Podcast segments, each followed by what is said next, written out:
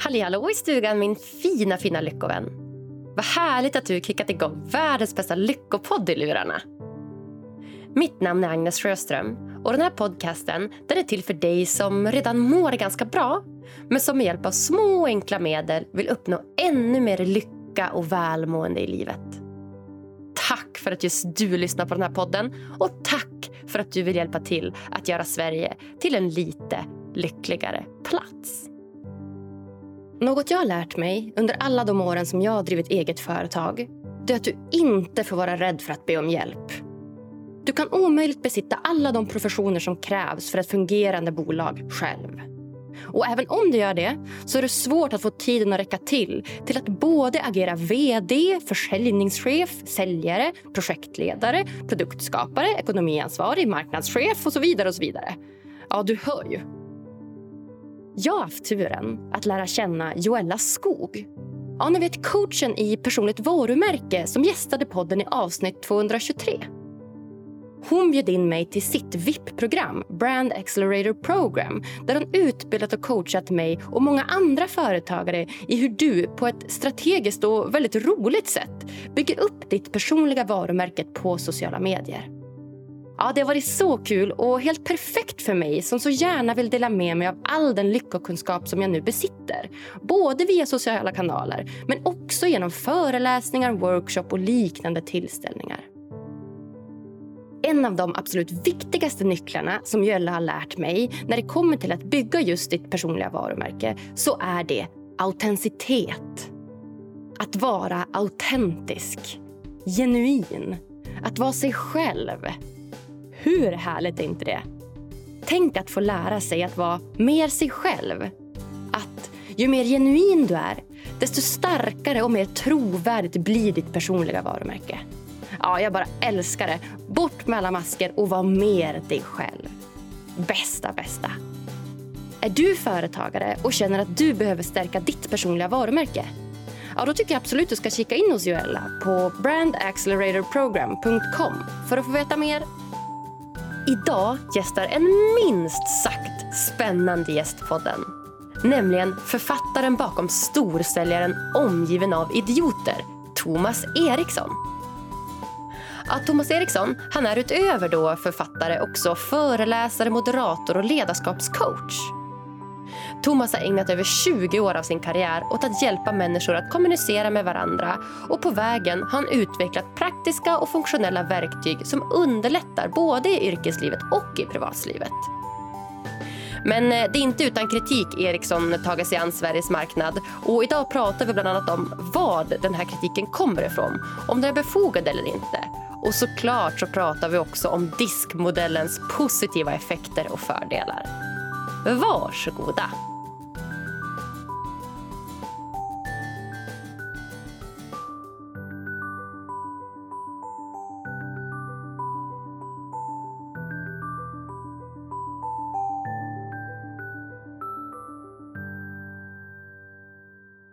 Då säger jag varmt, varmt välkommen till Lyckopodden, legenden Thomas Eriksson! Tack så mycket. Tack så mycket. Du, varmt hjärtligt välkommen hit, Thomas. Tack för inbjudan. Jättespännande. Ja, härligt. Har frågan alla väntat på här då. Är du en gul, röd, grön eller blå person här då, Thomas? Ja, jaha, ja. ja, det är inte så många som frågade längre sedan jag skrev ut det i en av mina böcker. Vilken då, frågar man sig. Nej då, eh, du, jag är, eh, jag är en sakorienterad person. Jag har jättemycket rött, jättemycket blått. Vilket är besvärligt för att det ena är gasen, det andra är bromsen. Du vet, så det är lite lurigt det där. Och sen har jag en hel del gult som mest kommer fram när jag står på scen. Och kanske i samtal som det här. Inget mm. grönt, nästan alls. Jag ber om ursäkt. Jag vet inte. Hur det, det, är så. Det är så. Okej, okay, så mycket rött och mycket blått. Och eh, då har jag lärt mig nu att rött det är ju ganska så här framåt och dominant, eller hur? Att man har liksom ett, ett driv och lite eldig som jag förstår, eller? Så kan man säga. Full fart och tycker inte om inaktivitet och är lite tävlingsinriktad och ibland lite lite, mm, kan upplevas som lite tuff i omgivningen kanske beroende på vem man har, har omkring sig. Mm, alltså inte tuff som är cool utan tuff som är kanske lite lite väl hårdhudade ibland. Kanske lite okänsliga om man säger så. Just Den det, rött. tuff. Ja, just det, Mm. just det. Och vilka sammanhang kommer de fram då? Eh, I mitt fall, Mm. ja när det är ont om tid, då pratar Mm. jag så fort så att jag hinner knappt själv höra vad jag säger. Eh, jag i- bakom ratten. Eh, rent fiktivt givetvis. Det har ju inte hänt de sista tio åren, men, men innan tidigare så kanske jag hade lite tung gasfot. Jag vet inte. Ja, ja just det. Just det. Så trafiken. nej, men eh, det, det märks då. I stressiga situationer då blir jag väldigt korthuggen och extremt målfokuserad. Då kan folk förmodligen uppleva mig som nästan lite, lite, lite brysk kanske. Jag har, Mm. jag har ett extremt stort tålamod. Det är den blåa sidan. Jag har jättemycket Mm. tålamod och är enormt uthållig långsiktig. Till en viss punkt. Och då tvärvänder det. Puff säger det bara. Och då blir jag knallröd och då åker rörmokaren ut och då försvinner elektrikern. Då får de fly helt enkelt för att då tappar jag tålamod. Och Jag hinner inte nästan alltid själv riktigt reagera när det där blir. Och Nej. eh, det, det är jätteoskärmigt men det är sant. Ja. Så det där är ja, något jag det- sliter lite grann med. Ja, det är inte, det är inte snyggt men jag, jag sliter med att, att behålla, jag håller mig lugn alltså längre än de flesta men när det brister så poff då är det färdigt. Det är väldigt eh, ärligt och medvetet här ska jag säga i vart fall. Det, det gillar jag ju när man har lite självdistans och kan ja, men, se sina utvecklingsmöjligheter som vi alla har. Ja, ja, ja. Nej, när jag var yngre, alltså väldigt ung, eh, så kanske sådär 20-årsåldern plus, eh, plus moms, då jag förstörde en del av mina eh, kompisrelationer genom att jag var lite för brysk med folk. Eh, Då hade jag ingen självinsikt och förstod inte att jag, när jag förlorade humöret och, och, och liksom höjde rösten och knuffade till någon, det kan ha funnits anledning till det, men, men att det var kanske inte, det var inte så bra för en vänskap. Så jag förlorade lite vänner på det viset tror jag. Och Mm. jag fick lära mig att, att uh, lugna mig. Nu tillåter jag mig nästan aldrig att tappa humöret. Mm. Eh, jag gör inte det utan då går jag in på kontoret och muttrar för mig själv. Och man går ut i trädgården eller går ner i gymmet eller något för att göra av med den där energin. Men det Mm. finns där. Jag vet att det finns där. Mm. Ja. Mm. Ja, nu är det en gammal nu går vi klok man. vidare tycker Nu jag. för går nu vi vart det så vidare. jobbigt. Det här var ju inte roligt alls. vi hoppar vidare. Nej, Nu exakt. tar vi något helt annat. Vi Ja. hoppar vidare. Vi hoppar vidare. Vi har pratat om röda personer lite och den blåa personen. Du är lite så här, vad sa du, tålmodig och analytisk. Eller visst är lite åt det hållet? Så här blått. Jag Ja, precis. Min röda sida tycker att jag är ett kontrollfreak. När jag blir, när jag blir Mm. detaljorienterad då ska jag gräva, gräva och gräva. Och problemet är ju när de här balanseras mot varandra. Det blir oftast en hygglig mix, men jag noterar samtidigt så jag borde gräva lite mer och vara lite noggrannare samtidigt som jag borde gå lite snabbare framåt. Det här är faktiskt ganska jobbigt. Jag dras verkligen mellan två helt motstridiga krafter och jag vet om det. Eh, men, men det är, det är lite, ja, lite kämpigt. Det hade varit enklare för mig att vara det ena eller det andra. Ja, exakt. Så nu, exakt. nu står jag där som någon fåntratt mellan två hötappar. Ja. Eller hur? Är Mm. man ofta liksom mer eller mindre allihopa de här färgerna? Liksom? Eller är det att man har eh, är liksom mest åt en av dem? Eller hur funkar det? Ja, ja alltså rent, det finns ju ganska mycket statistik. Eh, Nu ska vi ha klart för oss att det här med färger och diskprofiler och andra profiler, eh, Big Five, Myers-Briggs eller Profiler. Det finns ju mängder av verktyg och alla de här skrapar ju egentligen lite grann på ytan. Så man ska ju inte överdriva hur mycket man ska tolka in i det. Jag anser att det är bra eh, guidelines. Du får ett underlag att ställa de rätta frågorna. Men viktigt att betona då att man kan inte liksom leva sitt liv enbart- enbart efter detta. Det, det, det påpekar jag gärna så ofta jag får möjlighet till det. Men om man, om man tänker sig statistiskt sett hur människor kommer ut. Det finns ju tiotals miljoner med analyser gjorda världen över. Så att det finns ganska mycket data, alltså mycket gedigen data utifrån det här verktyget. Och då säger man att den vanligaste profilen är en kombination av två färger.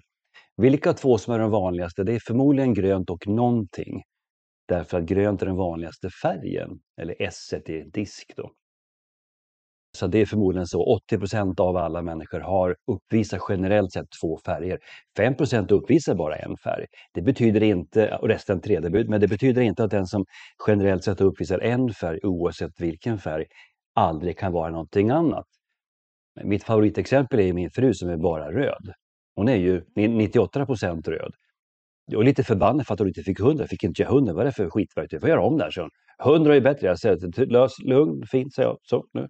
Så att, men det betyder ju inte att hon inte är en god lyssnare, men hon behöver bara slå på den switchen och gå grönt, om jag så säger då. Och hon kan också vara väldigt noga med det hon värderar. Ehm, så att vi har ju alla möjligheten att vara vem vi vill i oss, men det kräver ju mer en aktiv tanke kanske. Har du en enda färg eller kanske två som sticker ut väldigt, väldigt mycket, då måste du kanske vara lite medveten så att du inte trampar i klaveret. Vilket jag gjorde mycket när jag var yngre då, som jag skojade om nyss. Jag skojade om det. En skojskämt som var sant. Rena skämtet egentligen. Men ja, just det. Just det. Okej, okay, ja. så hon är alltså väldigt röd och du är rödblå. Hur, hur funkar det? Liksom två starka röda sidor. Då tänker jag kan bli ganska eldigt. Liksom. Bara någon, två, två personer som vill saker och är framåt. Eller hur funkar det? Ja, jo, alltså det, det finns ju inga... Det finns ju, vet, vet du, Agnes, jag träffade för när var det här? Tidigt i våras någon gång, vintras, våras, något sånt där. Så träffade jag efter en föreläsning, jag varit i, eh, i Frankrike.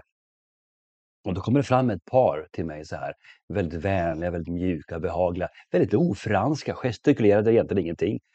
Och, och de sa det att, eh, vet du, sa de, eh, vi har varit gifta i 15 år, vi har aldrig haft en enda konflikt, vi har aldrig grälat. Och jag tänkte, åh gode gud, vad ligger under ytan där? Så fruktansvärt hur mycket oupptäckta vidrigheter finns det där under för när det väl smäller i den relationen? Oj, oj, oj. Det blir inte vackert. Det min hustru och jag är bra på det är att prata om hur vi pratar med varandra. Vi kommunicerar kring vår kommunikation. Hon kan de här verktygen också. Hon förstår kommunikationsprofil, hon kan detta med drivkrafter och jag tror vi, ja, snudd på varje dag så är ämnet på bordet i något sammanhang. Du kommer, såg du Bosse där? Tänkte hur han reagerade? Ja, det var intressant. Det måste vara den här teoretiska drivkraften eller du vet Agnes här nu, vad tror du hon är för färg? Ja, men hon är nog ganska gul. Ja, men det märktes. Hur vet du det? Jo, för att... Och, och sen så pratar vi så och även mellan varandra. Men det vi gör då när det gäller våra röda sidor är att vi, vi tar upp saker och ting på sekunden. Om någon av oss slänger ur sig någonting mer eller mindre lämpligt eller genomtänkt så kommer den andra direkt att säga det att vad var det där? Varför sa du så? får du förklara det, för det lät inte så trevligt. Aha, äh, sorry, jag menar det här och det här. Aha, okej. Okay. Och sen har vi löst det på 47 sekunder. Istället för att, som det är i många relationer, man går runt och tjurar i åtta månader. Mm. Du vet hur det kan vara och då, blir det, då börjar det lukta apa någonstans här inne. Till någon lyfter på mattan och säger vad som ligger här och då smäller det ju. Ja. Det, är, det är inte kul. Så, så hanterar vi det. Vi, de, vi, vi delar med grejer direkt det händer.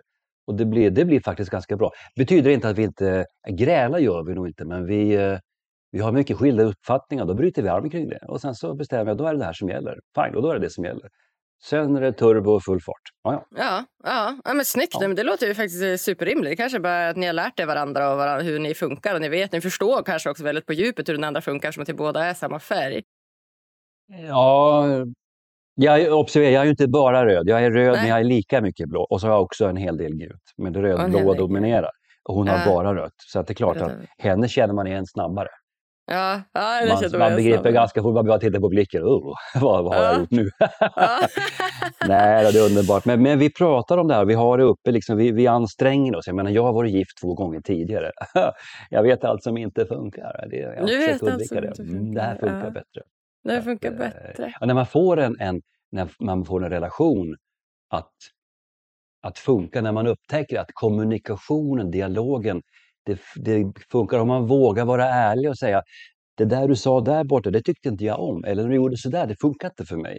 Vet du vad, det här gör mig lite ledsen. Eller jag förstår inte vad du håller på med. Kan du förtydliga, tack så mycket och det ganska snabbt, helst igår. När man kan ha den dialogen och det finns ingen det blir inga tjuriga miner, det blir liksom inga, det blir liksom inga, vad ska jag säga, ja, ingen blir vrång och tar illa vid sig och sånt där, utan vi förstår att det är för att komma framåt. För det är lycka.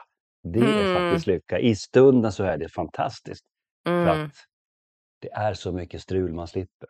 Ja, men 100 procent. Kommunikation, alltså det är ju nyckeln till det mesta. Jag håller helt med dig. Så så himla sant. Men nu har vi varit inne lite, lite grann på de olika färgerna här. Då. Vi har pratat om röd, vi har pratat om blå lite grann. Vi var inne lite grann på den gula personen. Du har mycket gult, jag har mycket gult i mig. Kan du inte berätta lite grann om den gula personen? Ja, det, det. Ja, det, berätta lite om mig. Vet du, vet du vilken färg som alltid kommer fram till mig och säger så här, vilken färg är jag tror du? Då säger jag, du är gul. Det är bara ja, det är gula som ställer den frågan. tala om mig, låt oss tala om mig. Låt mig berätta ja. någonting ur mitt rika liv, säger de och det blir jättebra. Nej, de är gula är ju positiva. De är ju lika de röda så tillvida att de är handlingsorienterade, gillar action, fart och fläkt, extroverta är de ju. Det ska ju hända saker. Får ju energi av att det är lite puls. Men i och med att de är relationsorienterade så är de ju mjukare och lite försiktigare med människor omkring sig. Tycker jag. Människor gillar att vara mitt i massan, gärna i centrum, det gör ingenting. Eh, där man håller lite hov sådär och, och så att säga Eh, ja, jag går på ett party så hittar du en klunga och i den står en person och liksom de andra är bara publik. Då, nu skulle lyssnarna se ditt leende här, men då, är det en gul, då är en gul person i mitten som liksom har fångat allas uppmärksamhet. Och, och det smärtar inte det minsta. Oh, fantastiskt, se på mig, här är jag nu. Nej, men de är härliga, kreativa, positiva och ler hela tiden. Det är bara solsken. Även om det regnar. Ja, men solen skiner ju alltid någonstans. Är det inte så? Ja, så, är det ja. så att man, man blir glad. Va? De är otroliga på att skapa stämning och ja. positivitet och liksom hopp faktiskt. de hittar ljuspunkter där vi andra ser ja, mörker. Ja, ja, ja, du ser. Ja, det är en liten en gul prick här som driver Lyckopodden. Det kanske inte är en slump ändå, utan det kanske finns något underliggande drivkraft där bakom som, som har gjort det detta. Ja, Drivkraft är ju för övrigt någonting annat som ligger under ytan, alltså motivationsfaktorer. Motivationsfaktorer, ja. ja. Varför gör du det du gör? Hur du gör det är ju uppenbart. Du är ju en positiv person om vi nu ska vara lite allvarliga här. Eh, det ser jag ju på dig. Jag menar, du har, har en positiv approach och allting. Vilket är ett gult beteende. Men anledningen till att du driver Lyckopodden gissar jag. Det är inte bara för att sitta och ha trevligt. Du vill ju någonting. Och det jag vill ju lära mig. Ja. Du jag är nyfiken. Ja. ja, men precis. Men det hade du kunnat gjort. Du hade kunnat ringa upp mig och haft ett samtal på telefon. Men du gör ju podden för att du vill också att andra ska lära sig. Mm, du vill ju sprida 100%. någonting, eller hur? Vilket innebär att du är generös med det du har lärt dig. Du vill gärna dela med dig. Även det är en drivkraft. Mm. Det är en slags social drivkraft. Att vilja lära sig är en teoretisk drivkraft som inte har med färger att göra. Alltså varför gör du det? Strävan efter kunskap, men även då en social drivkraft och det är alltså inte att vara social utan att, att ta ett socialt ansvar, man säger. Det vill säga, jag delar gärna med mig, jag vill hjälpa andra människor. Ta en, en eh, vad ska vi hitta på för att visa, ta en sjuksköterska som kan vara vilken färg som helst, men varför är hon i vården? Ja, det är för att hon vill hjälpa andra människor. Oavsett om hon är röd, gul, grön eller blå, även om det är, kan vara oerhört slitigt att vara sjuksköterska. Ja, all vård kan vara slitsam givetvis. Eh, det har jag sett på nära håll. Men drivkraften gör att man orkar kämpa med ändå, trots att det är jobbigt. För att det ger en sak, man får drivkraften att stimulera den. Mm, lite mm. underliggande, just det. Ja, men, ja, men det förstår jag helt klart. Men jag kan också tänka mig att så här, personlighetsdraget ändå ja, men, tas till uttryck och det kanske inte är en slump ändå att de finns, de finns där liksom, i mitt yrke. Att så här, vilja sprida glädje, vilja prata med folk och vara i centrum. Det kanske ändå finns något, något underliggande där också. Jag vet inte. Kanske. Det är någon kombination misstänker jag.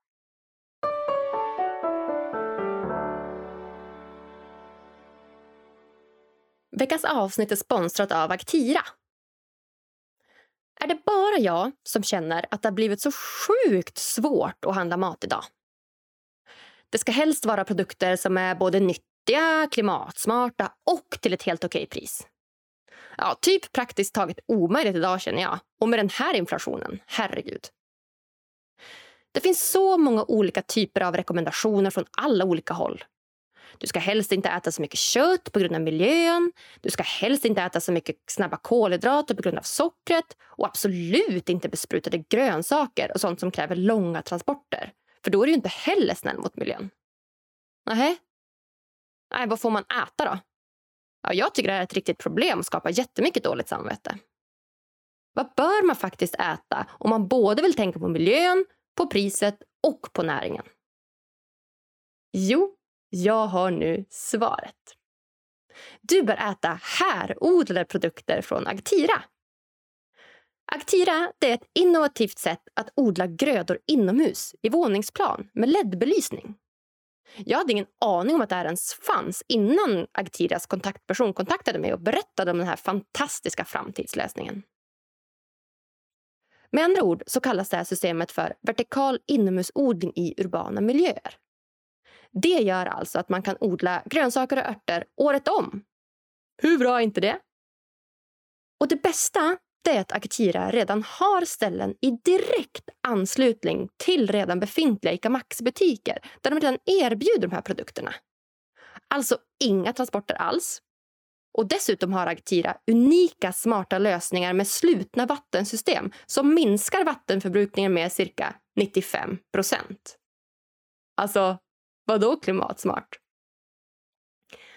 Och än så länge så finns den här framtidsprodukten självklart främst i framtidslandet Norrland där jag kommer ifrån. Men de är såklart på väg att öppna söderöver också. Och Aktiras ledning de hälsar också att vi som konsumenter jättegärna får börja ställa lite krav på våra lokala matvarubutiker och att även de bör ligga i framkant när det kommer till hållbar livsmedelsodling. Ja, hörni, det kanske inte är helt kört för klimatet ändå. Är du också en riktig klimataktivist? Då tycker jag att du ska följa Aktira på Instagram för mängder av ny info och uppdateringar. Missa inte framtidens klimatodling. Heja framtiden! Och heja klimatet! Tack Agtira för att du vill hjälpa till och göra Sverige till en lite lyckligare plats.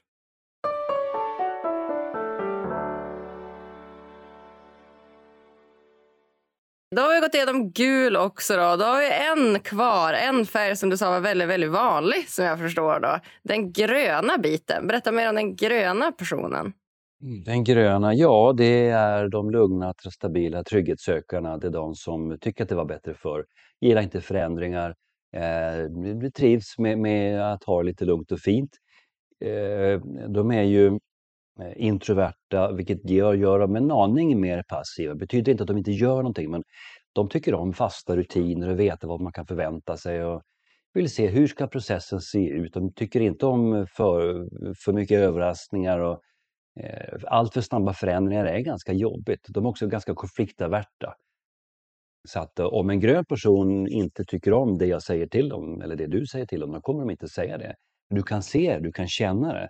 Du kan känna lite frostighet på tråden och då kan du kanske säga så här, är det någonting mellan oss? Är det, är, är det ett problem? Och då säger jag bara, nej, nej, nej, nej, men som nickar vilt. Nej, nej, det är inget problem här. Så allting är okej okay då? Ja, allting är toppen säger de och skakar på huvudet. Ja, så man får alltså... gå till kroppsspråk för att, för att om de berättar att jag är, jag är lite ledsen på dig nu, då kanske vi får en konflikt. Mm. Och hur ska det bli nu? Det är jättejobbigt och då lägger de locket på, vilket innebär att gröna personer inte sällan blir utnyttjade därför att de säger ja till allt. Ja, ja. Shit, det här känner jag verkligen igen. Alltså inte i mig själv, vill jag säga. Jag känner, inte, alltså jag känner verkligen inte att jag är så mycket grön. Men däremot så kan jag ju känna... Jag blir lite provocerad, om jag ska vara ärlig. För att jag är ju mycket, väldigt gul, men också en, ett snäpp rött i mig. Och Speciellt liksom i yrkessammanhang och liknande. Då kan jag bli ganska röd också framåt. Så. Och då har jag ofta att kan man säga cringeat lite liksom, med då gröna personer. Just för att för mig är det så naturligt att säga, men säg vad du tycker, säg vad du tänker, var bara rak, var bara ärlig, säg så löser vi det, boom, sätter korten på bordet, går vidare. Medan oh, gröna som du säger, ja, mm. men så, så gröna som du säger, jag har haft så svårt att så här, förstå. Alltså, va, va, du säger ingenting, jag känner att det är någonting, du går runt och håller inne på någonting, vad är det? Och så den här konflikträdslan som inte vill prata, alltså, det, det, det provocerar mig jättemycket. Ja, och vara medveten om en sak, det är inte nödvändigtvis det är, alltså, det, det är inte nödvändigtvis den andra personen det är fel på. Det kan vara att du har helt enkelt inte hittat nycklarna.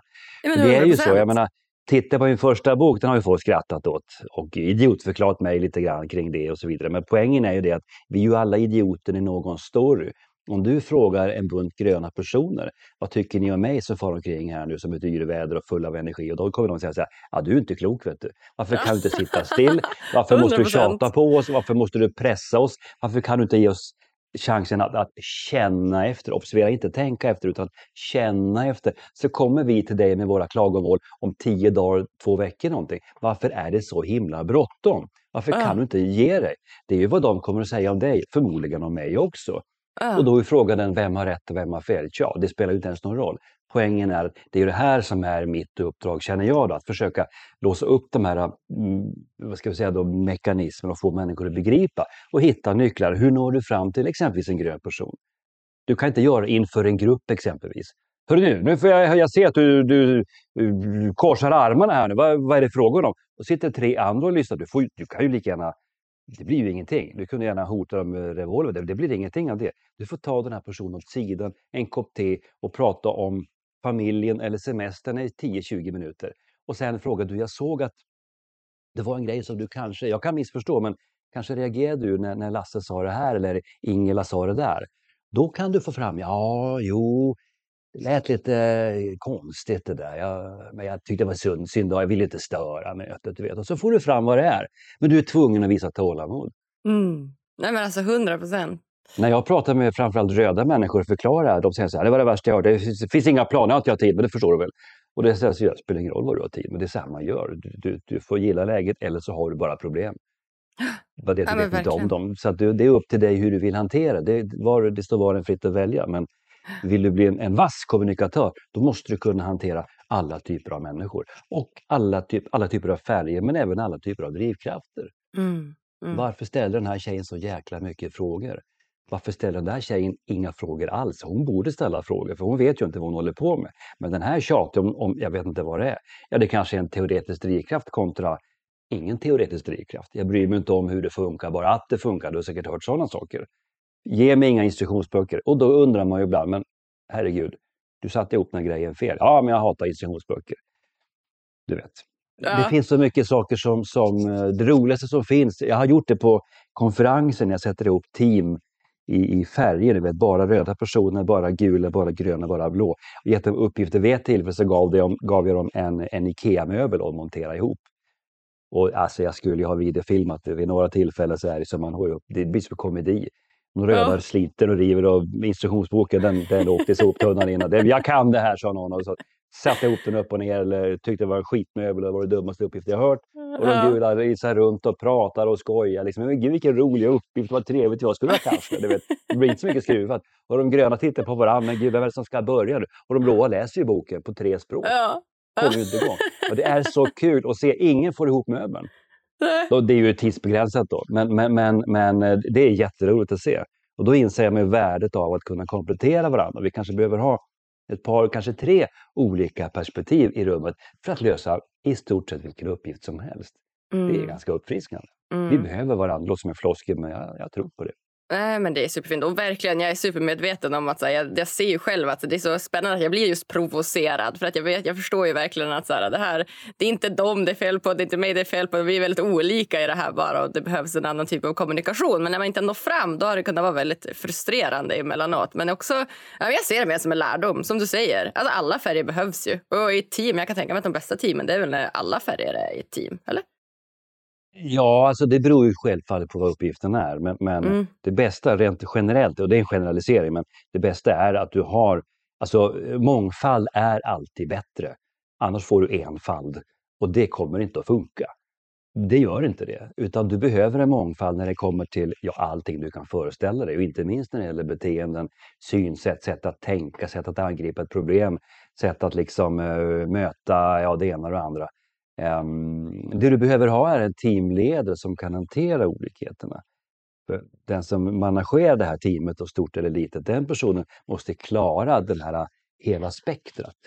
Och det i sin, det i sin tur bygger på hur den personen själv är funtad. Om du har en person som är bara röd och du har ett team som har alla färgerna, om vi nu väljer att använda det språket, ja, då har du lite av en utmaning här, för den personen kommer förstå de röda i gruppen. Men kanske inte de andra. De andra är ju korkade, framförallt är de långsamma.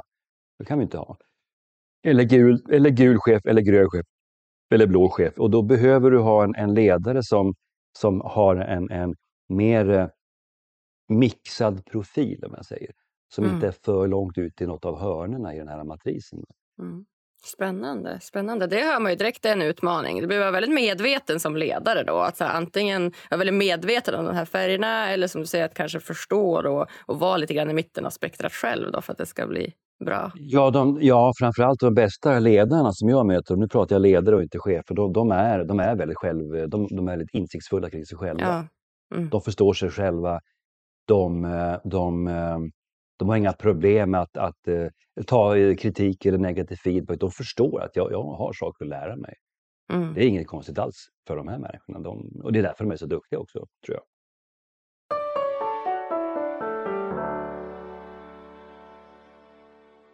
Veckans avsnitt är sponsrat av Tell Sverige AB.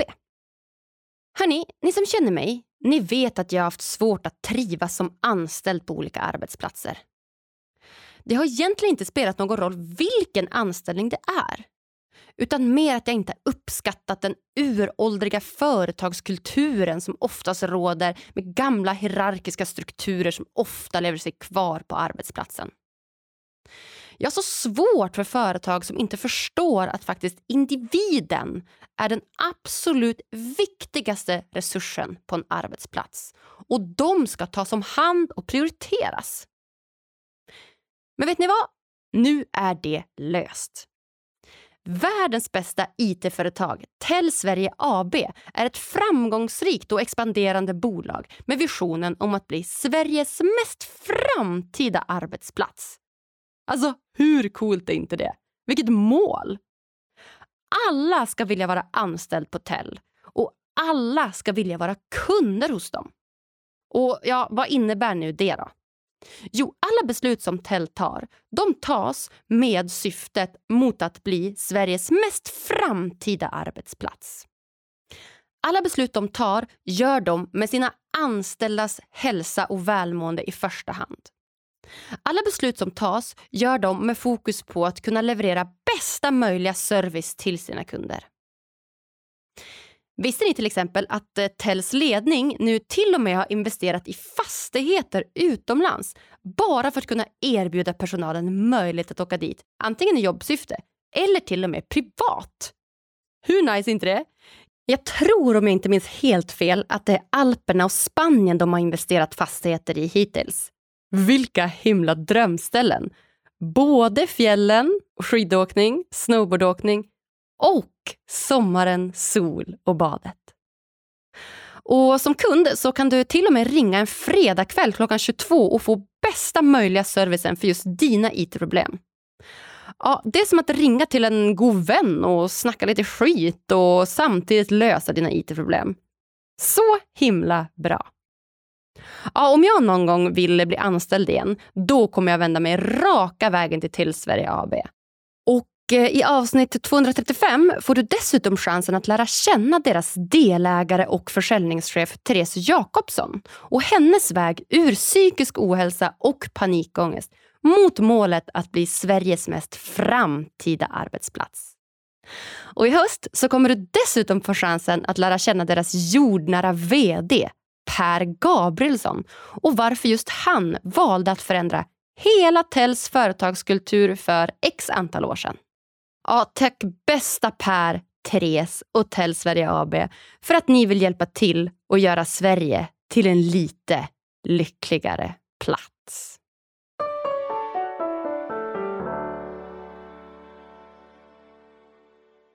Du har ju bland annat skrivit då böckerna som vi varit inne på här, då, Omgiven av idioter och uppföljaren Omgiven av psykopater som för övrigt är, enligt mig, två helt genialiska namn. Hur kom du på dem?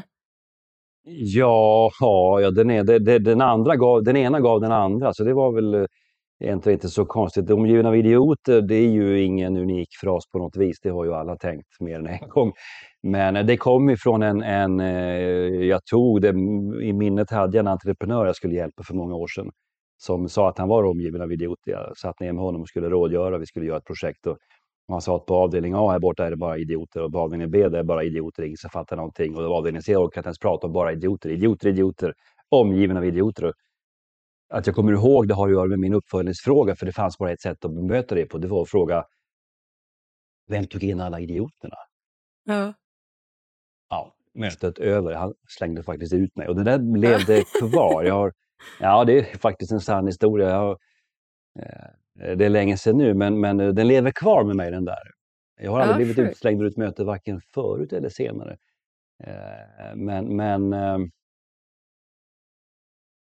jag jobbar mycket med igenkänning när det gäller en titel eller hur jag väljer att skriva, hur jag väljer att adressera ett problem eller en utmaning. Så jag skriver ju på ett enkelt sätt, förhoppningsvis lättillgängligt, gärna lite underhållande. Det är i alla fall syftet, även om jag har förstått att alla inte finner det så. Det får jag leva med. Men jag skriver ju inte doktorsavhandlingar. Jag skriver ju inte fotnötter, paragrafer och, och grejer därför att det blir för tungt. Så att allting som jag gör, inklusive hur jag väljer en titel, är ju för att människor ska säga aha, ja just det, ja, men det känner jag igen. Igår lanserades Omgivna narcissister på, på den amerikanska marknaden. Och det de säger framförallt är att den titeln är bra därför att här har vi, vi är dränkta i narcissism här. Mm. Det säger precis någonting som vi tror marknaden kommer att tycka om. Så de säger att den här titeln tror vi, själva, själva titeln alltså, alltså boken i sig, men själva titeln kommer att få människor att säga att wow, det här är ju precis så som det känns hela dagarna här borta. Vad gör vi nu? Mm. Och, och, och det, det är nästan en marketinggrej faktiskt. Att, Mm. ja, som en löpsedel. Ja, men jag tycker det är, så, men det är bra namn. Det är liksom omgiven av idioter, omgiven av psykopater. Du tar ju upp ganska liksom, ja, men, tunga titlar. Så här, idioter, psykopater, narcissister. Så jag tänker väl att, eh, att det ändå går hem liksom, i, i gemene mans huvud. Du ska veta vad som lanseras i oktober. Vadå?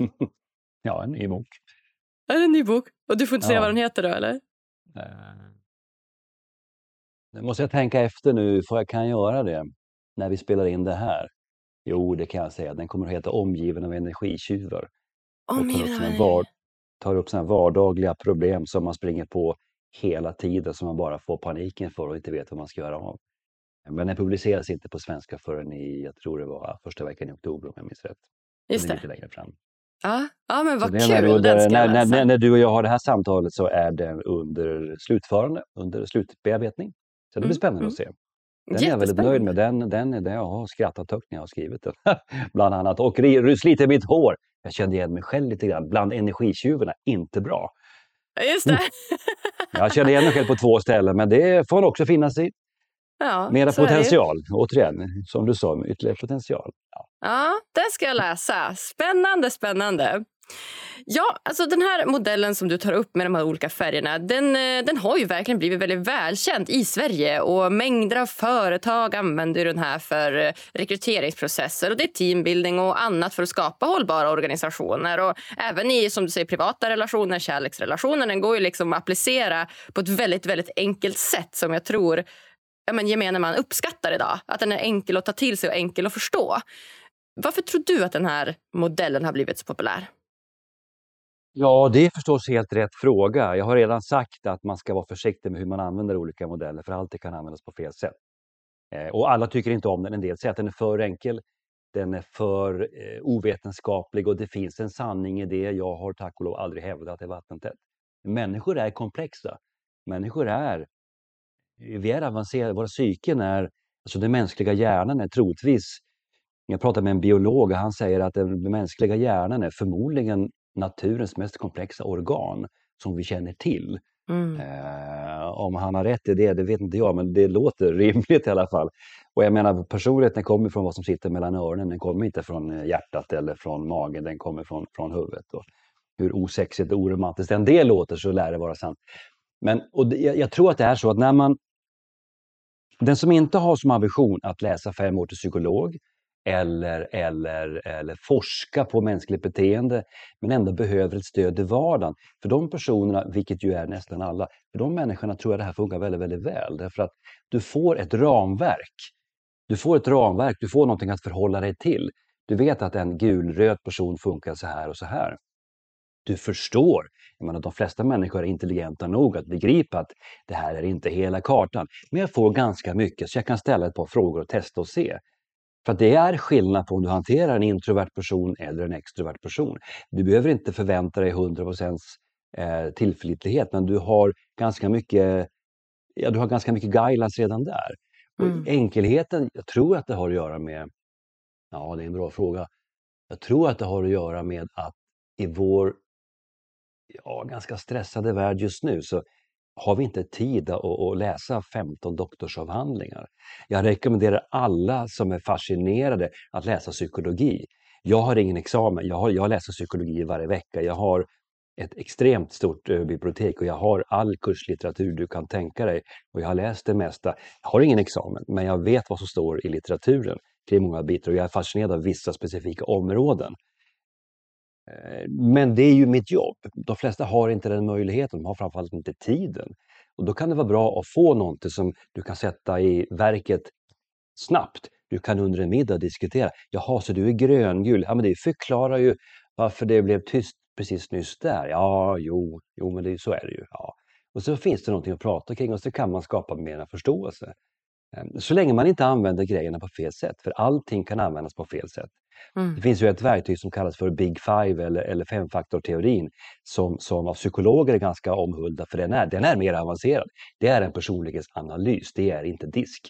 Det är en beteende, det är självskattningsverktyg för beteenden och det är stor skillnad på dessa saker. Men, men eh, den har ju missbrukats av exempelvis Cambridge Analytica. Det var ju de som stökade fram så Brexit blev av. Trump-valet, det var ju manipulation med hjälp av Big Five-modellen. Det här har ju skrivits om världen över och den firman de gick ju ner, i, de gick ju ner hårt kan jag säga. Down in flames stod det på i New York Times. Eh, men, men så alla verktyg, hur bra de än är, kan missbrukas. Så det har mer att göra med vem som brukar dem än verktyget i sig, faktiskt. Ehm, så man ska, ha, man ska ha respekt för det, man ska vara lite ödmjuk inför att man inte kan allting. Jag är noga med varenda gång jag är ute och har en workshop eller en föreläsning eller när jag coachar människor där det här finns med som en, en viss parameter, som ett slags fundament. Ehm, så, ehm, så säger jag det, att vara medveten om att det här är, vi, vi, vi rör oss relativt nära ytan. Men vi är inte nere i djupet med bara hjälp av det här. Så när du ser någon skratta på en fest, utgå inte från att de inte kan läsa ett Excel-ark. Det är för förenklat. Riktigt så är det inte. Mm. Jaha, men jag tyckte han var gul och du har sagt att de tycker inte om detaljer. Ja, ja men det är mer komplext än så. Mm. Sammanhanget och situationen, du måste ha lite mer fantasi. Och det är det jag predikar då. Eh, därför blir jag lite upprörd när folk lägger orden i min mun att jag sa att det fanns fyra typer av människor, that's it. Just det. Jag har letat efter det uttalandet från mig själv, men jag kan inte hitta det. Nej, så, jag, så jag, jag, vet inte. Jag vet inte. Kombinationen rent algoritmiskt är väl 19 400 något i den stilen. Ja, shit. Ja, gud. Men, men, det, men det är så. Vi kan bli mm. detaljrika mm. här, men då tappar vi lyssnare också, för då blir det tråkigt. Och det är väl det som din fråga, varför är det här spännande? Ja, därför att du kan ta det till dig och du kan börja använda det ganska direkt. Ja, Ja. Det korta svaret. Ja, ja men verkligen. Svaret. Ja, ja, men 100 procent. Ja, när du skrev den här boken, liksom, när, du, när du tog till dig den här teorin och uppenbarligen så är det något som tilltalar dig då, eftersom att du har skrivit om den mycket och använder den i ditt yrke. Så, liksom, vad, vad är syftet för dig med att liksom, lära ut den här modellen? Jag vill att människor ska förstå varandra lättare. Jag vill att man ska kunna, jag menar världen är ganska Eh, om vi ska vara seriösa en stund, världen är en ganska, är en ganska ful plats egentligen. Det är en ganska bedrövlig plats. Människor behandlar varandra så illa ibland så man blir, man blir ju ledsen och arg och, och besviken och allt möjligt. Och mycket, jag ska säga mycket konflikter består av, om vi tar ner, om vi släpper det globala perspektivet, om vi tar ner till, säg en arbetsplats eller inom släkten eller, eller schackklubben, trädgårdsföreningen, vad du vill. De flesta konflikter grundar sig i missförstånd eller misskommunikation. Mm. Det finns problem med rutiner ibland, men, men 90% handlar om att kommunikationen har inte funkat. Någon tänkte någonting och sa något annat och de tredje lyssnade på ytterligare frekvens. Så blev det jättekonstigt och alla kallar varandra för idioter. Det behöver inte vara så, tror jag. Jag tror att vi skulle kunna...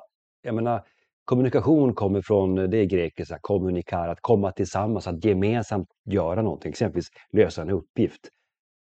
Det låter ju som en klyscha nu och lite halleluja, då, men, men, men, om vi samarbetar så blir det mindre problem. Mm.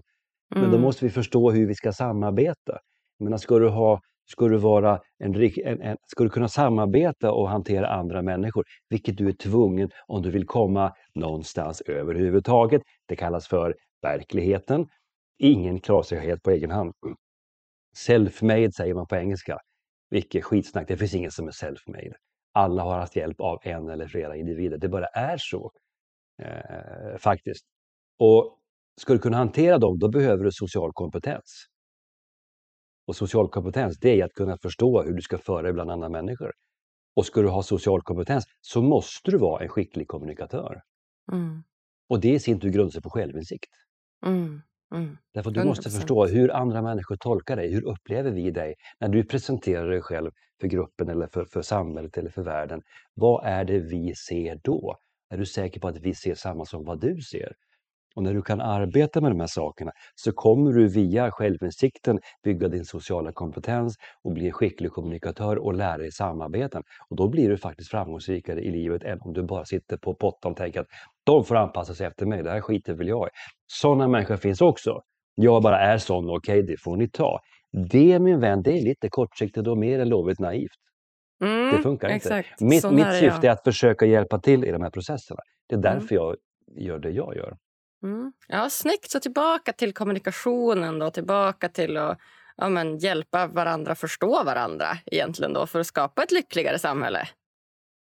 Ja, lyckligare. Ja visst, nu anser ju inte jag att lycka, nu vet jag vad din podd heter och lycka är trevligare än olycka. Absolut, men Ja. lycka i sig är ju kanske svårt att sträva efter för att ett lyckligare samhälle, vad, vad är det för någonting? Hur, hur ser det ut? Men ett, ett smidigare, enklare, mindre problemfyllt samhälle i alla fall. Problem en och välmående samhälle, välbefinnande, Ja, liksom en ja. högre standard. Det är ju bort med krig och liksom, vi vill upp med Ja, fred på jorden. Ja, Ja. absolut. Jag, jag väljer drömmen. hellre fred än krig. Det, jag tror väl de flesta håller med om det. Men, men just det, jag bara skojar om det här med ett lyckligare samhälle. Du har ju rätt naturligtvis. Det är bättre att folk går runt och mår dåligt. Men, men, men, men eh, jag tror vi blir lyckliga i stunden när vi märker att någonting har funkat.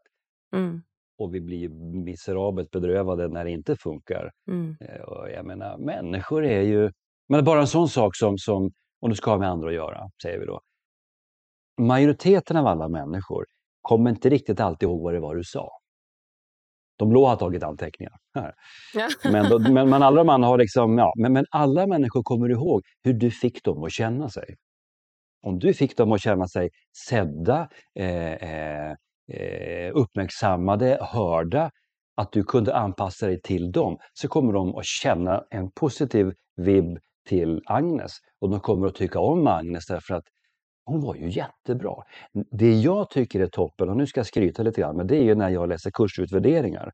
Nu var det länge sedan jag höll rena kurser för jag hinner inte med det riktigt, men då kunde jag läsa kursutvärderingar om mig och min, min, min, min leverans av en utbildning i ett program på tio dagar.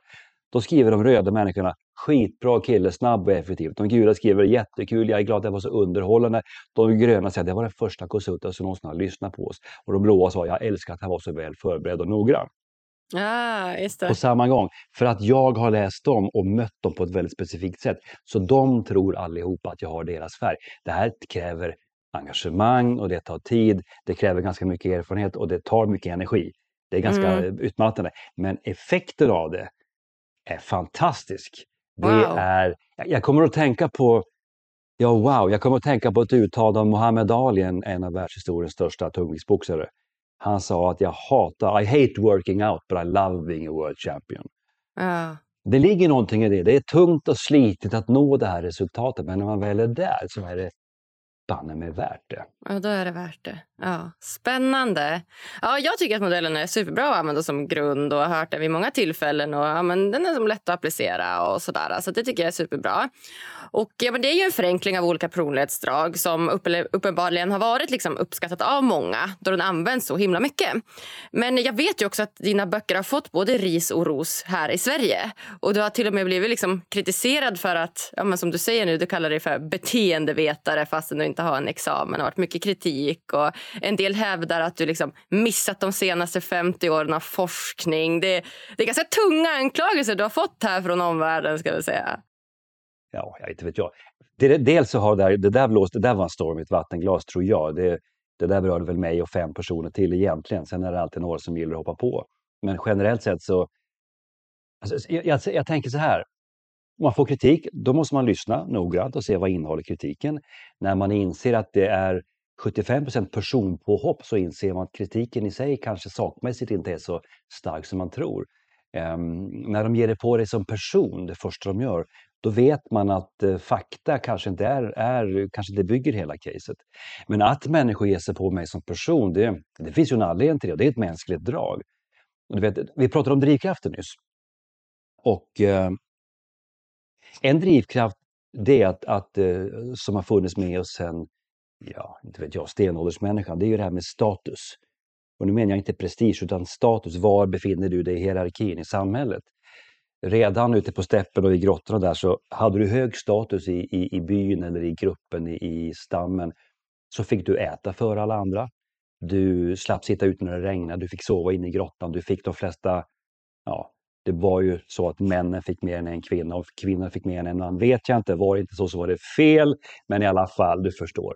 Eh, men status innebar någonting. Du var liksom lite, lite eh, du hade någonting. Och status, när du blev hotad i din status, det var då det blev slagsmål. Och någon nästan lika starkt ville utmana ledaren av gruppen, om vi använder det uttrycket då, så blev det problem. Men Idag så hänger ju inte status så mycket på våran, alltså vår överlevnad hänger inte, i alla fall i vår del av världen, på, på, på status idag. De flesta människor i Sverige har mat på bordet och eh, ja, det finns undantag, men generellt sett så har nästan alla mat på bordet och nästan alla, tack och lov, har tak över huvudet. Men när du, får, när du har, upplever att ha en viss status och så får du den statusen hotad av någon, då kommer du att reagera. Det är mänskligt, men det är också lika svårt att prata om det lika väl som man vet att det finns något som heter avundsjuka.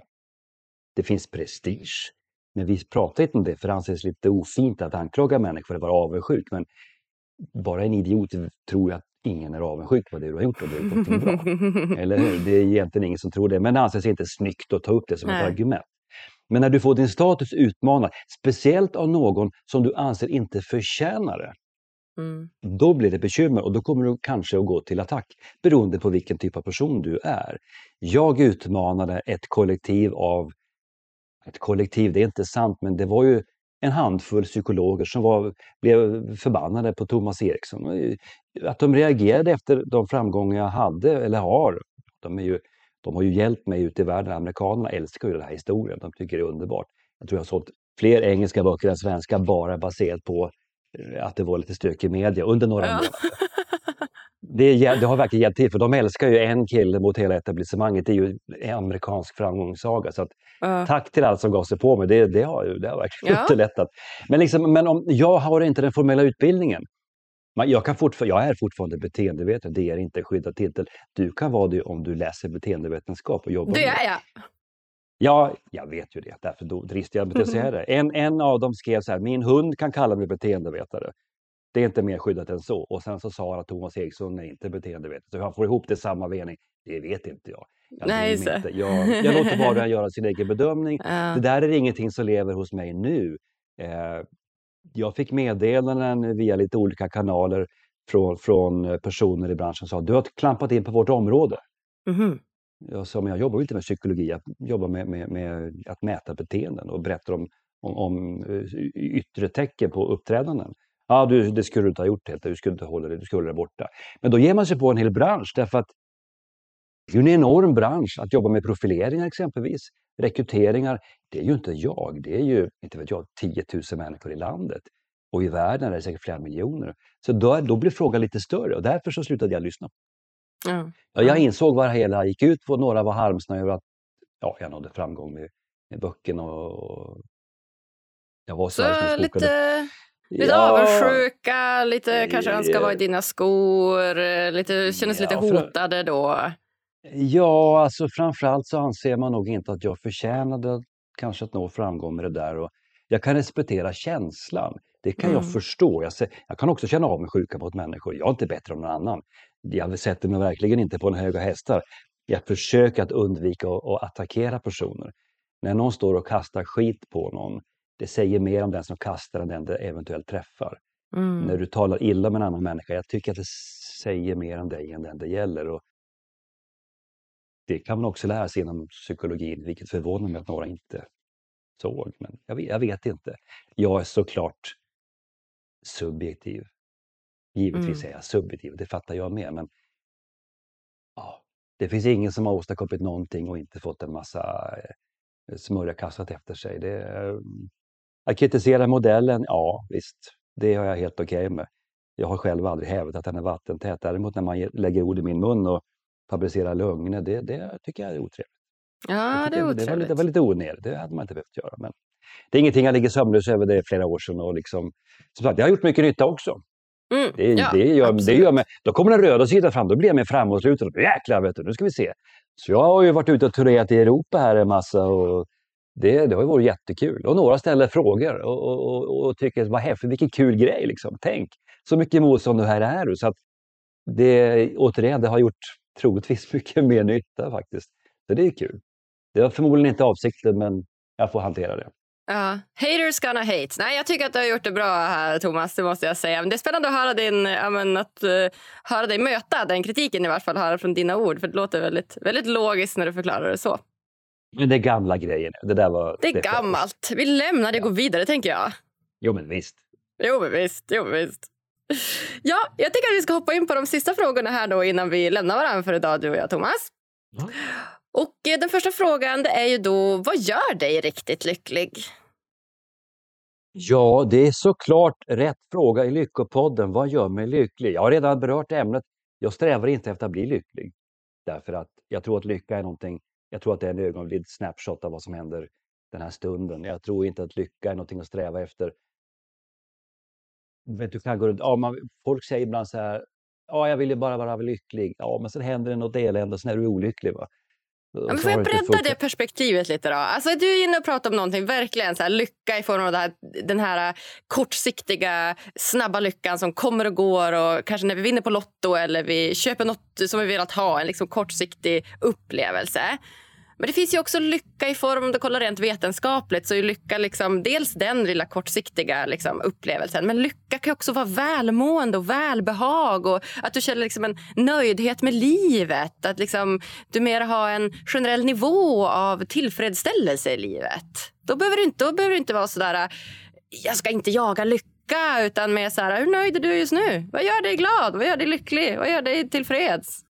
Ja, nej men exakt, det, det är precis så. Jag har läst en hel del av, av det finns ju lyckoforskning faktiskt.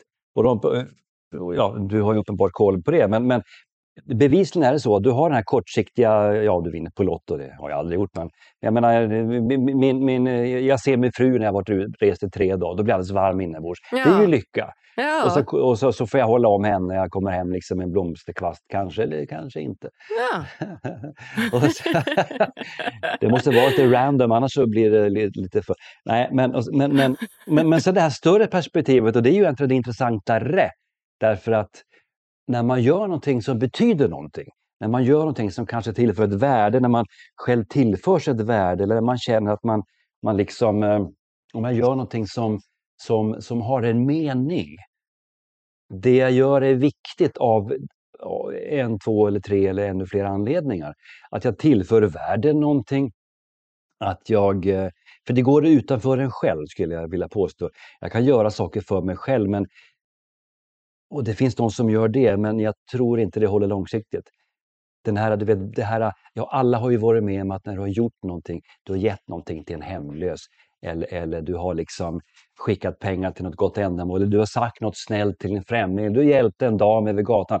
Alla vet den där konstiga känslan i hela kroppen, hur man nästan, vad, vad, vad duktig han var, liksom. Oj, vad bra det kändes. Så är frågan, vem hjälpte vem här egentligen? Och, och, och, och, och därför ska man aldrig säga nej när personer i nöd erbjuder hjälp. Därför att om de vill ge tillbaka, om än en sån liten, liten sak till dig, så ska du låta dem göra det, för då mår de bra. Men liksom när du skapar, när ditt liv har en mening, när du är på ett uppdrag någonstans som liksom leder någon vart. Jag är ute och reser i Europa och föreläser för 3000 människor en kväll och eftersnacket tar en timme. Liksom. Det, då vet jag att nu har jag satt, planterat frön i skallen på ganska många människor eh, som förhoppningsvis leder någon vart. Då känner jag att det jag gör betyder någonting. Då blir det någon slags Ja, det blir den här bredare, större, långsiktigt, nästan lite filosofisk lycka. Jag kallar det inte lycka, men det blir en tillfredsställelse. För jag vet att nu är det här att tankarna ute och opererar och någon, någon funderar och förhoppningsvis tog de med det hem och det kanske hjälper någon. Det har ju folk kommit fram till mig och sagt att vi har grälat i fem år. Nu ska vi gifta oss för vi förstod varför vi har grälat. Tack! Bara säga det liksom. Det, oh, wow, man, blir ju, man får ju, jag får ju rysningar nu. Det har hänt mig faktiskt mer än en gång, lustigt nog. Men, men just att du, ditt liv får någon slags, jag kallar det för mening då. Att det finns ett, ett, eh, att det finns ett slags varför. För vi måste ju alla göra någonting. Och när du ändå finns på planeten jorden, när du ändå springer runt på dagarna, varför inte göra något vettigt? när du kommer på att berätta någonting här och du gör det och du utvecklar dig själv och du blir duktig på det. Människor frågar efter, efter dina insikter och dina, ja, dina kunskaper och kompetenser och erfarenheter så ja, då betyder du någonting. För mig blir det, det lycka kanske då. Ja. Hur flummigt som helst men... men eh, Nej, supertydligt Ja. tycker jag. Ja, jättefint att få bidra och bidra med, med sin mening då och göra det som, som känns meningsfullt för dig. Ja, jag tror, och det låter ju som en klyscha igen, då, men just det här att man bara gör saker som för sig själv. Ja, jag ska bli rik, sen ska jag ligga på Bahamas och dricka drinkar. Ska du verkligen det? Hur Ja, många drinkar innan du är... För, ja, till att börja med, hur många drinkar innan du är alkoholiserad? det är det första. Och hur tråkigt kan livet bli? Om du lyckas ta dig till Bahamas, du är ekonomiskt oberoende, inbilla dig inte att du är nöjd med att göra ingenting i 40 år. Glöm det, du har inte fattat någonting. Så de personerna svamlar. Sen vad de borde göra, det kan man fråga sig. Mm. Jag tror att när man väl har tagit sig dit, då, då vet man att livet innehåller mer. Jag måste åstadkomma någonting. Jag kan inte Mm. sluta operera här bara för att jag, eh, jag inte behöver. Det, det där har jag aldrig förstått. Ja, sidospår, men, men eh, mm. Vilket är ditt bästa lyckotips till lyssnarna? lyckotips. Japp. Oj, mitt bästa lyckotips. Ja, det är väl i sådana fall. Ställ dig frågan varje dag, varför gör jag just det här just nu? Att ställa sig frågan, det gör jag, det är en del av min morgonrutin. Jag har en morgonrutin. En fråga jag funderar på, som jag grubblar över, det är just varför gör jag det här? Och sen så uppföljningsfrågan är, det jag gör just nu, spelar det någon roll?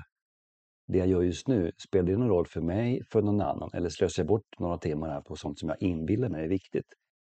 Att bara, och det gör jag varje dag, var, varje, och det, ibland händer det efter lunch, man sätter igång och öppnar mejlen och jag tänker så här, är det här något jag ska hålla på med? Varför gör jag det här just nu? Avskyr den uppgiften, borde inte jag delegera den? Och så gör jag det, så aldrig mer ser jag den. Men att reflektera lite grann, då blir du nöjdare med dina dagar. För att även om du har ett mål, att bygga den mest fantastiska familjen eller skapa drömhemmet eller bygga ett företag, att våga vara entreprenör, att bli ekonomiskt oberoende eller toppidrottsman eller gå ner i vikt eller gå upp i vikt eller vad du vill. Så målet är förmodligen flera år bort. Du måste hitta någonting i stunden så att du orkar harva i det vidare för det är så mycket småskruttiga grejer du är tvungen att hantera och alla vet det.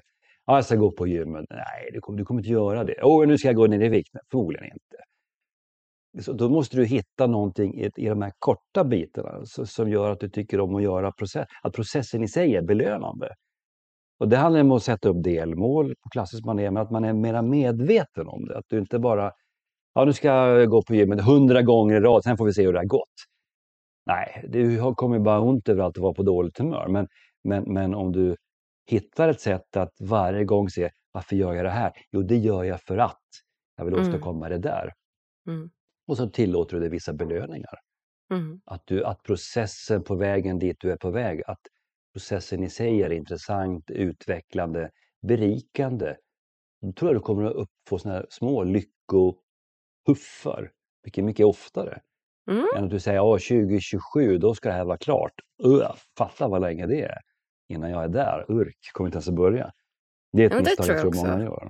Ja, men det Ja. tror jag också. Just som du säger, att du måste ha det här långsiktigt. Du strävar mot ett långsiktigt mål, någonting som du vill. Liksom du går ner i vikt eller nu alla de här exemplen som du uppgav. Men också då så blir ju också den här kortsiktiga lyckan på vägen dit väldigt viktig. Alltså, det är inte så att du behöver Ja. sträva efter den här kortsiktiga lyckan men det finns en väldigt viktig poäng med att faktiskt uppleva den. Så, för jag vet att också folk kan bli lite så här provocerade när de pratar om lycka. Så här, lyckopodden, jaha, det är bara så här rosa moln och glada elefanter och du vet, massa lull-lull. Men det är det ju verkligen inte. Utan jag tror båda är superviktiga i livet. Man, man är tvungen att jobba för det. Vill du känna dig framgångsrik, vill du känna dig, ja, säg lycklig då, eller vill du känna dig nöjd, tillfredsställd, harmonisk, i balans, kalla det vad du vill. Eh, så är du tvungen att anstränga dig. Jag menar, världen är inte skyldig dig någonting. Det hänger på dig. Det, det är ditt eget ansvar. Och det finns människor som råkar illa ut i världen. Det finns de som oförtjänt får massa skit. Eh, det finns de som, som förlorar sina familjer och, och släktingar och älskade och alltihopa. Och det är bedrövligt. Men när du frigör dig från ansvaret för vad som händer nu, så, så, så tappar du kontrollen och, och då, du kommer att vara olycklig.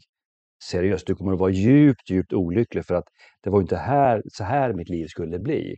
Nej, men, men vad gör du åt det? Det är så många som gräver ner sig och liksom krälar omkring i olycka och misär och, och, och missnöje och, och, dåliga vibbar. Och det blir ju deras roll. Men offermentaliteten finns ju där. Stackars mig, se på mig. Det blir liksom en roll i sig och det är ju det är precis som lycka fast exakt tvärtom. Det är ju fullständigt hopplöst. Men det, jag, jag kanske kan förstå att det fastnar i det. Problemet är att man ofta söker sig till andra människor som också är missnöjda, så man förstärker bara varandras misär. Vilket innebär att till slut så sitter du fast i en enda tjock geggamoja. Vad ska du nu göra? Vi har en chans. Det låter dramatiskt, men vi har en chans. Eh, jag tror inte på reinkarnation. Så att du har, den här, du har det här livet. Och, och ja, men personen anser att man är skyldig sig själv att anstränga sig. Det, kan, det behöver inte alla köpa, men att man åtminstone bör försöka göra det bästa av det. För när du väl är, när du väl är, är eh, i min ålder, jag menar jag, jag har passerat 50 för några år sedan, när du väl är i min ålder, då är det ganska sent att helt ändra livsinriktning. Det går förmodligen, men det är fanken så mycket lättare när du är 25. Det är inte så mycket grejer du måste klä av dig när du kan klä på dig den nya du, så att säga. Man får inte för många... Man får inte... Eh, hur ska jag säga? Du får inte hur många chanser som helst att transformera dig själv. Du, vet, du, du, du, du börjar på universitetet, det är ju ett sätt att bild, skapa en ny illusion av vem du vill vara. Du får en ny relation, du, du, du, du flyttar hemifrån. Nu kan jag plötsligt vara, jag, jag behöver inte vara, du lämnar orten. Du flyttar från Norrbotten som jag gjorde och ikläder dig en annan persona. Liksom, för att jag vill inte att de ska ha min historia. De såg mig när jag var barn, jag vill inte ha det. Nu vill jag vara en vuxen individ, nu vill jag vara den här. Men du får inte hur många sådana chanser som helst. Och när du har passerat 50 och, och då, då det kommer inte att drälla möjligheter. Det, det bara är så. Det kan man tycka allt möjligt om. Men när du är ung, då har du liksom, det finns nästan inga begränsningar. Det finns en del begränsningar, men inte jättemånga. Det, det är vad jag tror. Vad var frågan mm. egentligen? det var så spännande så jag bara satt och lyssnade. Det var ju ja, egentligen vad ditt bästa lyckotips var. Ja, vi får försöka destillera ner det till någonting. Nej, men alltså, lite grann njuta i stunden kanske. Kalla det för mm. det då. Det behöver inte vara flummigt, men påminna om att det här blev en rätt bra dag. Nej, inte så dum. Ja. För att kunna vara nöjd med vad jag gjorde idag, då måste jag göra någonting vettigt. Så att ja. det blir som ett självspelande piano. Ja, ja. ja superbra. Vad tror du? Vad är ditt bästa um, lyckotips? Oh, mitt bästa lyckotips är... Um, jag skulle säga att en del är eh, att vara medveten. Alltså att, att försöka hjälpa sig själv att bli medveten. Att, ehm, ja, men till exempel via såna här, som vi pratade om idag, såna här olika modeller. Att här, försöka förstå sig själv och andra då tror jag att man, man har kommit väldigt, väldigt långt. Och sen också tror jag mycket på eh, tacksamhet. Att ehm, eh, ja, men skriva ner saker som du är tacksam över eller hjälpa hjärnan att fokusera på det som inte är faror och hot. Eftersom att vi är lite så negativt biased som vi är redan. Att vi söker efter faror och hot mer eller mindre hela tiden. Det har gjort att vi har överlevt. Men att vi idag kanske kan hjälpa hjärnan lite grann att att tänka lite mer positivt alltså i de banorna. Med så här, optimistisk framtidssyn till exempel. Eller vad man är tacksam över eller vad du längtar efter och sånt. Det tror jag. Det är väl några så här... Ja, precis. Men det kräver ett medvetande som du säger. Det är väl det jag upplever många brister i. Att man, man, man, man, man, man tänker inte på det. Det finns inte top of mind. Utan, mm. Ja, just det. Man snubblar på något TED-talk eller någon som sa någonting på en middag. Eller, ja, just skjutsel. Det där visste jag egentligen. Mm. Mm. Men man måste just här, att vara medveten, att vara närvarande hela tiden. Inte bara gå på autopilot. Det är så viktigt. Håller helt med. Så viktigt. Ja. Mm. Mediterar du? Nej. Nej. Det känns som att du gör det. För att du är liksom medveten på något sätt. Jag tycker det är skitbra att meditera. Jag älskar att meditera. Ja, meditation. Jag har ju i och för sig provat lite olika varianter. Det, där kommer det dåliga tålamodet in. Men men, men ehm, när jag inte ser resultaten tillräckligt snabbt. Så, men jag, har, jag är medveten, jag har gått på rätt mycket snytingar, så jag har tvingat mig att bli medveten. Jag måste, jag måste, eh, jag tänker mig för varje dag. Eh, och försöker gå tillbaka. Vad hände nu? Varför blev det så? Varför sa han så? Varför sa hon så?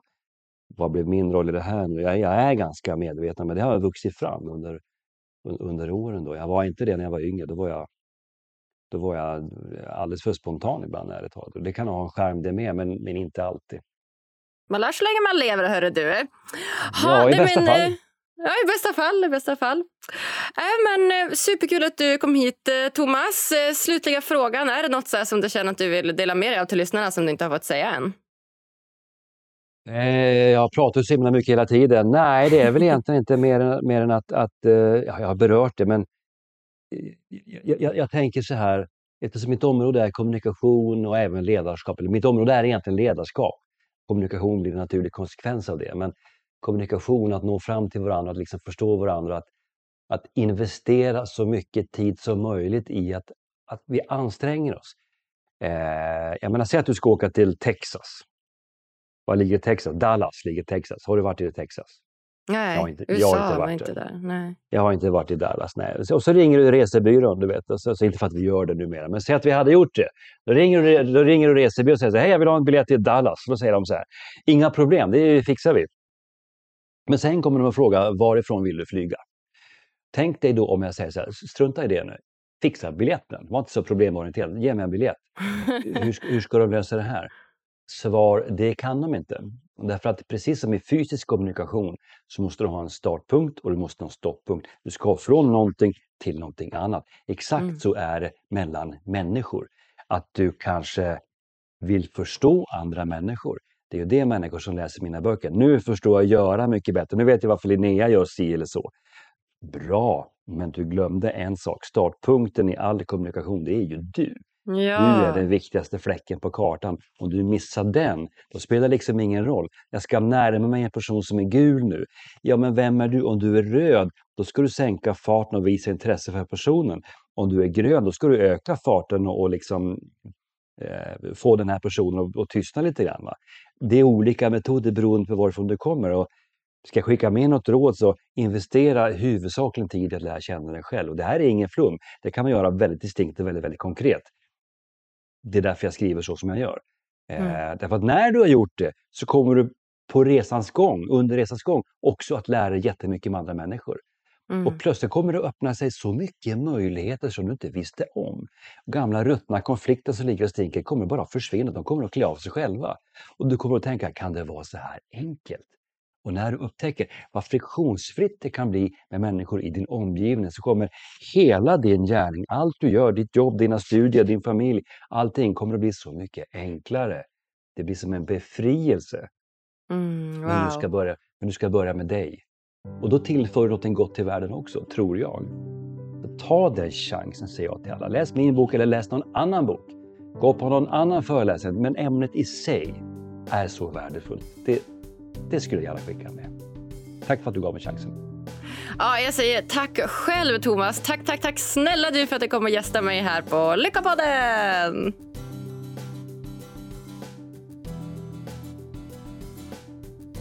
Ja, så himla spännande avsnitt hörni. Jag är alltså megagul och Thomas är röd och blå. Vad är du för färg? Tydligen så var ju grön bland de vanligaste färgerna var i Sverige. Det visste inte jag. Ja, jag tycker diskmodellen är jättebra och ger en förenklad och enkel bild av våra personlighetsdrag.